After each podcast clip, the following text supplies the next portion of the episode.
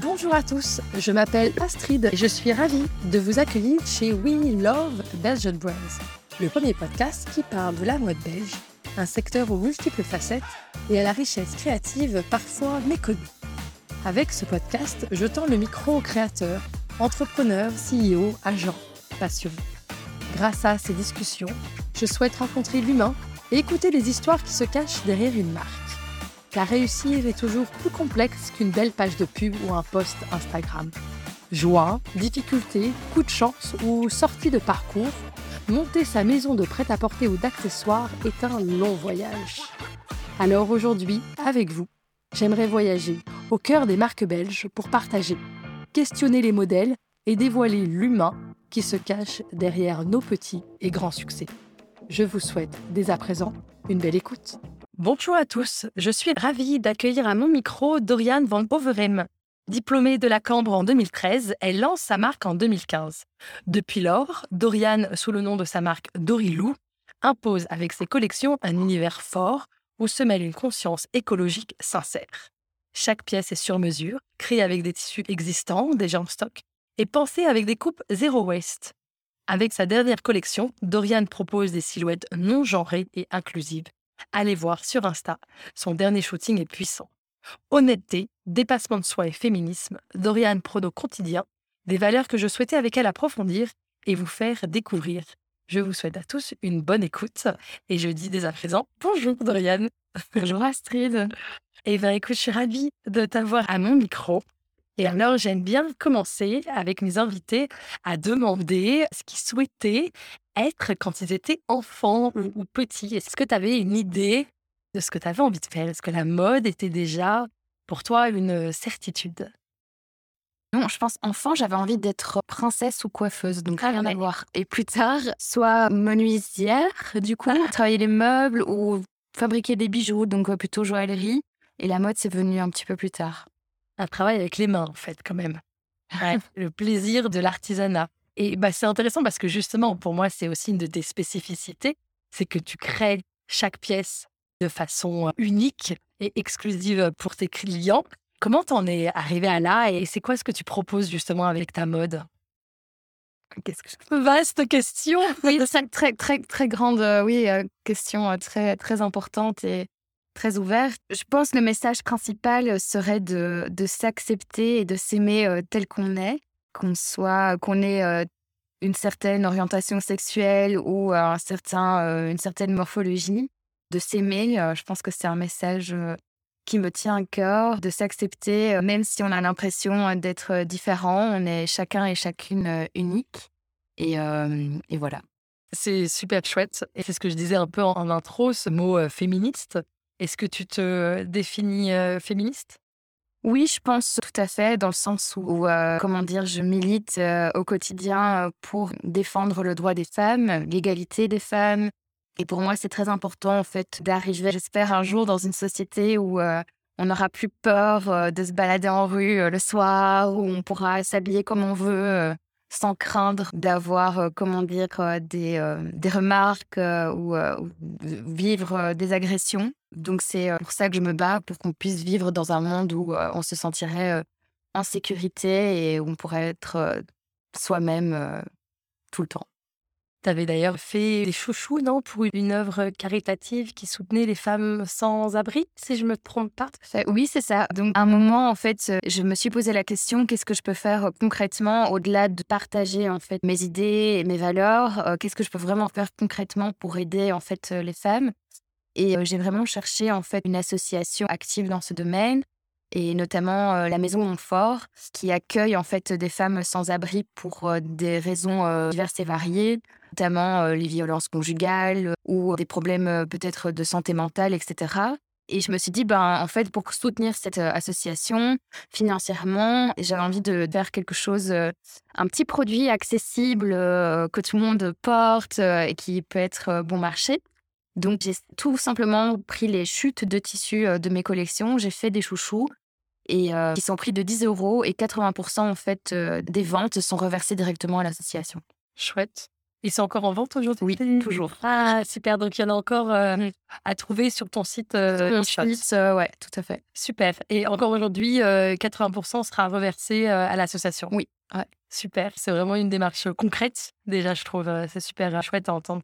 Quels sont, à ton avis, les plus grands challenges que tu as vécu avec ta marque Et c'est quoi les, les leçons que tu aurais à en, tirer? Alors, les plus grands challenges, je pense, c'est le fait tout simplement ben, de. Enfin, dans mon cas, ça a été de démarrer euh, une activité euh, seule. Donc, euh, le sentiment parfois de se sentir pas entouré et du coup de devoir en fait démultiplier ses compétences. Ce qui a été pour moi absolument fascinant finalement, même si ça, a été challengeant. Mais au-delà du fait, du coup, maintenant d'être euh, créatrice de mode, euh, et de, réaliser, par exemple, mes propres patrons, de coudre, je suis un peu devenue aussi euh, graphiste, comment dire, la personne qui va gérer les ressources humaines, qui va aussi construire des business plans, qui va gérer en fait tout l'aspect aussi économique, etc. Donc, je dirais que le, principal challenge, ça a été voilà d'avoir différentes casquettes et de en fait aussi de jamais baisser les bras qu'on a parfois on a en fait assez souvent des obstacles en tant que ben, jeune entrepreneuse ou euh, gérante de sa propre euh, activité et qu'on pourrait en fait facilement être découragé parce que c'est le quotidien est parfois une succession euh, d'obstacles mais je reste d'avis qu'il n'y a pas de problème et que des solutions. Chouette. Et tu aurais une anecdote ou un, challenge qui t'a paru particulièrement difficile et que tu as surmonté et, sur lequel tu as des, leçons à partager? Ben, j'ai envie de, je- là, je pense à hum, ben, un événement qui m'est arrivé euh, récemment. Je pense à un challenge, par exemple, j'ai réalisé la dernière campagne euh, de la collection il y a quelques semaines. Et en fait, je rêvais de travailler avec une mannequin qui était vraiment une muse, en fait, pour moi depuis euh, plusieurs années. Et en fait, j'ai vaincu la peur que j'avais à l'intérieur de moi pour oser contacter cette personne. Et finalement, en fait, ça s'est fait euh, très facilement et assez naturellement. Donc j'étais assez fière en fait d'avoir euh, surmonté euh, cette peur euh, et, et finalement d'avoir réalisé un espèce de rêve qui me paraissait complètement inatteignable et complètement fou. Et voilà, du coup, j'étais super contente et super fière en fait, du résultat. Ouais, et puis ça a marché, quoi. Tu as osé et, et en fait, c'était c'était là. Tu, tu veux dire le nom Tu peux Oui, oui donc je, je rêvais de travailler avec Kim Pierce en fait. Donc une Ouais. personne qui a 25 ans d'expérience, qui a fait des covers pour Vogue. Et en plus, c'est aussi une personne qui évolue dans le milieu de la musique, qui a son propre groupe de musique et du coup, euh, je sais pas, qui dégage en fait vraiment euh, un charisme qui est assez euh, unique et qui correspondait euh, totalement à, à ce que j'avais envie d'exprimer euh, dans cette collection. Et elle a dit oui. Elle a dit oui. Cool, c'est chouette. C'est chouette. Et donc, c'est en effet le dernier shooting dont, dont je parlais euh, dans mon introduction, que je trouve personnellement moi aussi très puissant et très réussi, et qui est donc à, à découvrir sur Instagram et sur le e-shop de Dorilo underscore officiel. Tu parles de musique, je trouve ça assez intéressant. C'est quoi en effet ton lien pour toi entre mode et musique? Est-ce que l'univers musical de, ton enfance ou actuel ou de ton parcours vient habiter tes créations et tes collections et, et dans, quelle, dans quelle mesure? Je pense que c'est plutôt au travers de mes goûts personnels où j'ai beaucoup écouté de rock, de punk, etc. Donc c'est vraiment un, un univers musical en fait qui correspond à, à, une émotion en fait que j'aurais envie de partager. Aussi mon compagnon ingénieur du son. Travaille avec beaucoup de, groupes de musique, euh, notamment euh, King Gizzard et euh, Emil and the Sniffers. Donc, c'est aussi une personne qui m'inspire énormément. Puis moi, personnellement, je commence à faire de la basse. Euh, Un de mes rêves, c'est de monter un groupe de musique. Donc, c'est vraiment dans cette dynamique-là et, ben, de finalement de, combiner en fait plusieurs disciplines. Donc, pour moi, j'adore la mode, mais c'est comme si ça suffisait pas. Enfin, j'ai toujours, je suis toujours à la poursuite en fait d'apprendre des nouvelles choses et c'est challengeant, mais mais c'est comme ça que je me sens vivre en fait. On a tous, je pense, une créativité en nous et, qui doit s'exprimer de manière différente. Et du coup, euh, la mode et la musique, euh, ça paraît très complémentaire en fait. C'est vraiment deux pistes euh, d'expression de créativité qui sont super fortes. Et c'est super chouette, mais, mais elle se ressent d'ailleurs, je trouve, ton approche rock ou ton amour de cet univers-là dans ta patte stylistique. Je trouve qu'il y a aussi quelque chose dans ta patte stylistique et je me demandais à quel point c'était réfléchi ou pas. C'était ton humour ou ton sens décalé d'humour de soi que tu peux, euh, avec beaucoup d'adresse, euh, beaucoup d'agilité, utiliser euh, dans ta communication Instagram. Est-ce que tu peux en parler un peu plus? Je pense que je pars du principe en fait qu'on n'a qu'une vie et qu'il faut pouvoir s'amuser, rigoler et surtout, en fait, pas toujours tout prendre trop au sérieux. Et c'est dans l'idée, en fait, ben, de faire sourire les gens, de les faire rigoler, de les faire passer un bon moment. Et, pour moi, c'est important, voilà, de partager cette légèreté et cet humour. Et c'est un peu cette aussi autodérision du monde dans lequel on vit. Et voilà. C'est ça, c'était le mot que je cherchais, autodérision. C'est des clins d'œil un peu drôles pour se différencier. Je trouve que c'est bien parce qu'à l'heure d'aujourd'hui, on pourrait avoir tendance à être tous un peu lisses ou à pas oser la différence ou l'étrangeté. Et je pense que oser se faire un, pas de côté, c'est pertinent en, termes de message. J'aime bien partager ça aussi au micro, par exemple, le fait que sur ton site internet, c'est pas 10%, mais 13%, et que c'est ton lucky day de discount que tu peux avoir quand tu t'inscris et que tu laisses euh, ton adresse euh, mail. Et je trouve que c'est un chouette euh, clin d'œil entre une sorte d'impératif marketing par lequel tu dois passer et un clin d'œil d'humour. Je crois qu'il y a aussi les frais de port qui, sont offerts, non pas au-dessus de 250 euros comme tout le monde, mais de 666, donc le fameux 666, clin d'œil aussi sur le diable. Donc je, trouve que c'est en effet ce genre de détail qui crée aussi une identité de marque. Et puis moi, ce que, je, ce que je trouvais très fort notamment, et j'avais envie de t'en faire parler, c'est cette idée de mode euh, inclusive avec des hommes qui portent euh, des jupes. Alors, inclusive et non genrée, euh, pardon, donc c'est deux points intéressants. Donc, non genrée, cette idée d'hommes qui portent des jupes et des robes, et inclusive avec l'idée que toute taille peut trouver son bonheur chez Dorilou. Est-ce que tu peux nous en parler un peu plus? Oui, bien dans la même, idée en fait, ben, de s'aimer soi-même et de s'accepter. Pour moi, c'était important en fait de représenter, toutes ces différentes personnes et finalement ça s'est fait assez, naturellement parce que pour être honnête, ce que je déteste voir, aujourd'hui, c'est un peu cette espèce de récupération ou, entre guillemets «de greenwashing», où tout le monde va être, sustainable, tout le monde va être inclusif, body positive etc. Et finalement, euh, moi, je me suis pas tout de suite approprié en fait euh, ces mots-là. C'est venu assez naturellement parce que les gens se sont appropriés ma marque en fait. À la base, euh, je partais du principe de créer des habits pour femmes. Et finalement, j'avais assez rapidement, j'ai eu des clients hommes, masculins. Et, du coup, ça m'a fait réfléchir et je me suis dit, ben finalement, en fait, je crée des produits qui plaisent à différentes Et je me suis dit, bah, autant les représenter, autant leur donner cette visibilité. Et c'est la raison pour laquelle, en fait, les dernières photos que j'ai réalisées de ma collection, j'ai vraiment voulu littéralement représenter ces personnes-là. Donc, avec trois modèles différents, un garçon, une fille et une personne plus ronde. Donc voilà, j'ai finalement mis en place ce qui s'était créé un peu organiquement. Et du coup, c'est un parti pris qui se voit dans ton dernier shooting avec une femme, euh, une femme plus ronde et qui, euh, avec beaucoup de charisme, hein, euh, beaucoup de beauté, présente des robes. Et donc, ça veut dire que c'est des, des, femmes de, de, toute taille et de toute morphologie peuvent acheter et commander. Comment ça se passe concrètement? Eh bien, concrètement, moi, je propose des tailles en fait entre le XS et le triple XL. Et chaque pièce.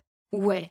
Donc, techniquement, en fait, euh, sur le site, tout simplement, euh, les, mensurations sont indiquées. Donc, euh, chaque personne est invitée un peu à, comparer avec des habits qu'elle ou qu'il a dans sa garde-robe. Ou alors, si la personne est en mesure de le faire de ses mensurations, pour vraiment s'assurer que le vêtement lui convienne.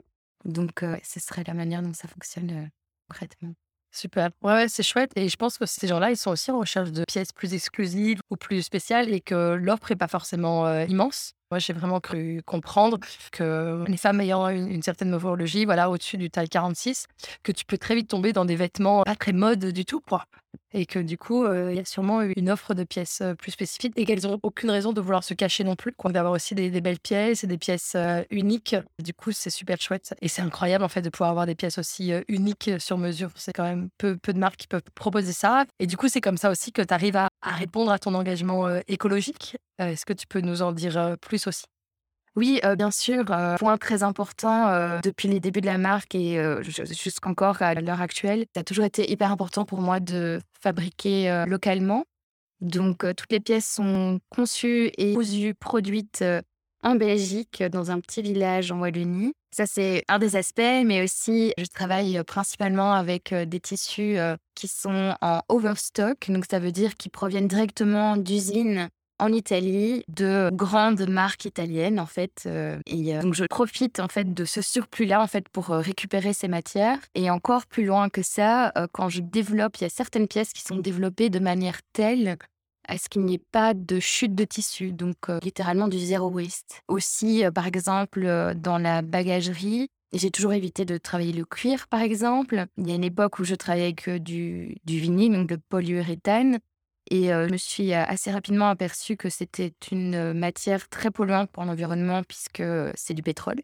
Et j'ai réussi à trouver une alternative, Pignatex. Donc, ce sont des déchets d'ananas recyclés, donc Pignatex comme pineapple en anglais. Et voilà, donc c'est toujours dans une démarche, dans une poursuite en fait de limiter la pollution liée au développement en fait euh, textile. Et aussi une dernière chose, c'est que je fais pas euh, de stock. Donc tout est produit fabriqué à la commande.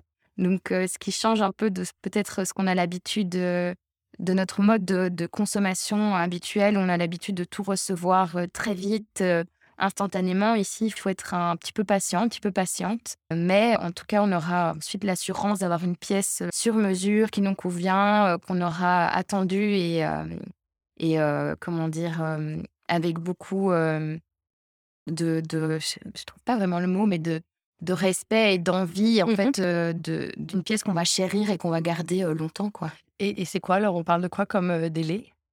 On parle de 10 jours ouvrables. OK, OK, donc bah, deux, semaines et demie, quoi. Ouais. Ouais, ouais, bah, c'est quand même raisonnable, je pense. Ouais. Ouais, ouais.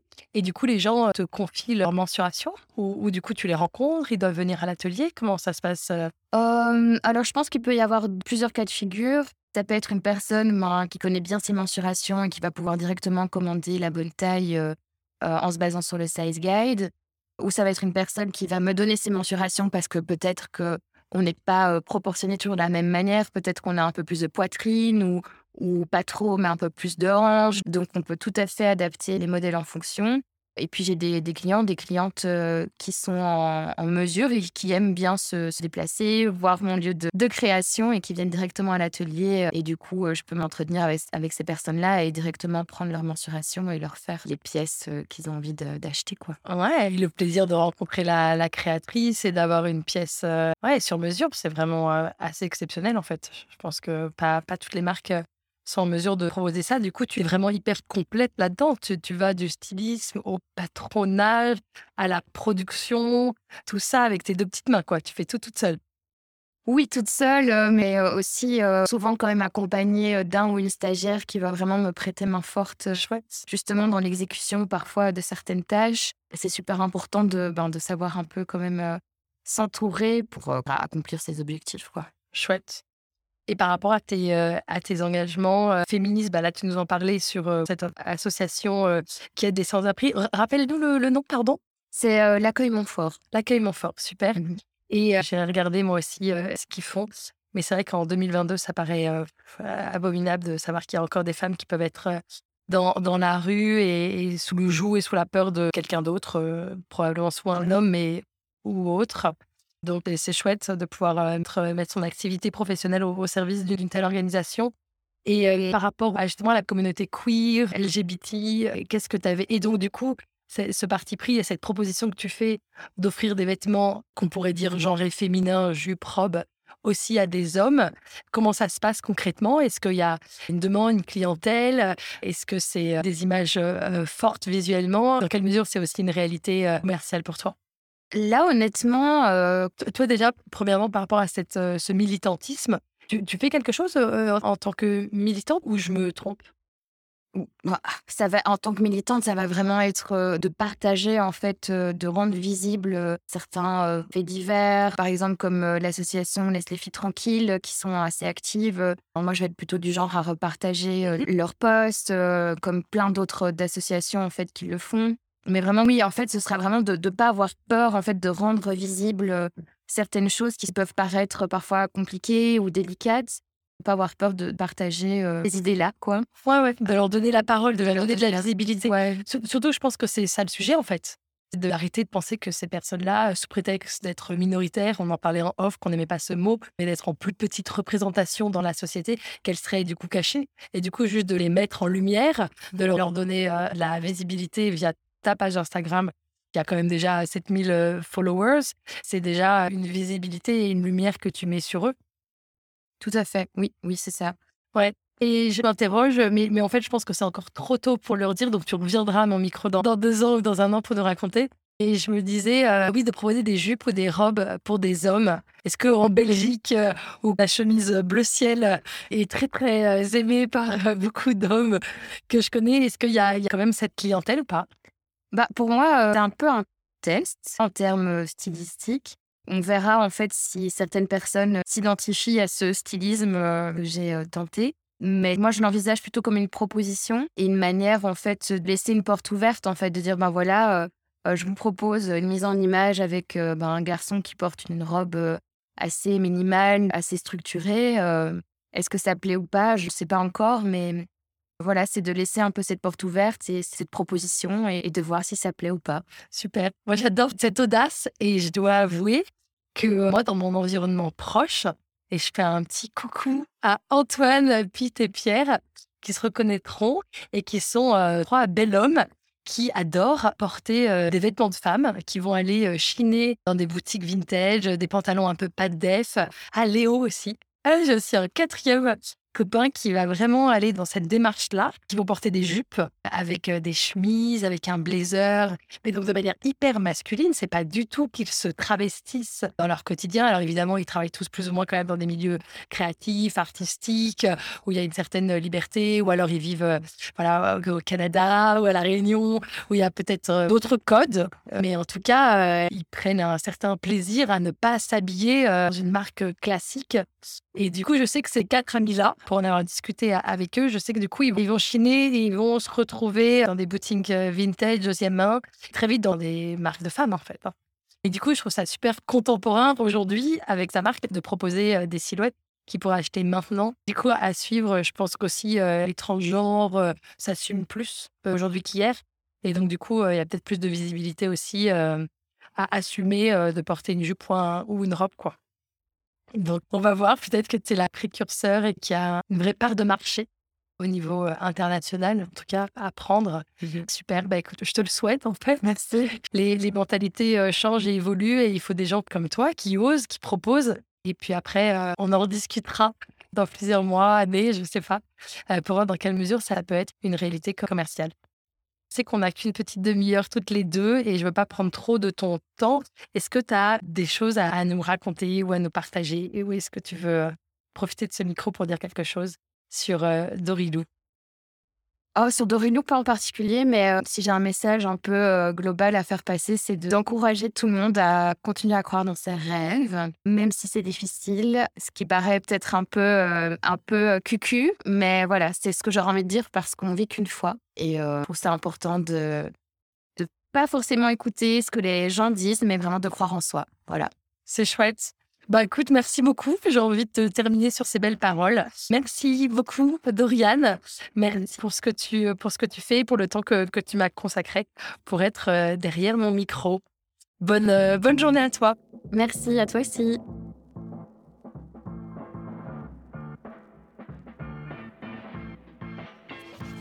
Merci beaucoup d'avoir écouté cet épisode jusqu'au bout. J'espère qu'il vous a plu. Et si c'est le cas, je vous invite à le partager et à le noter de 5 étoiles, car ça m'aidera beaucoup à le faire gagner en visibilité. Si vous avez des personnes à me proposer, des projets à mettre en lumière, des questions à poser, n'hésitez pas à me retrouver sur ma page Instagram, oui, underscore, love, underscore, Belgian, underscore, brands. Et je vous dis à dans 15 jours pour un prochain épisode.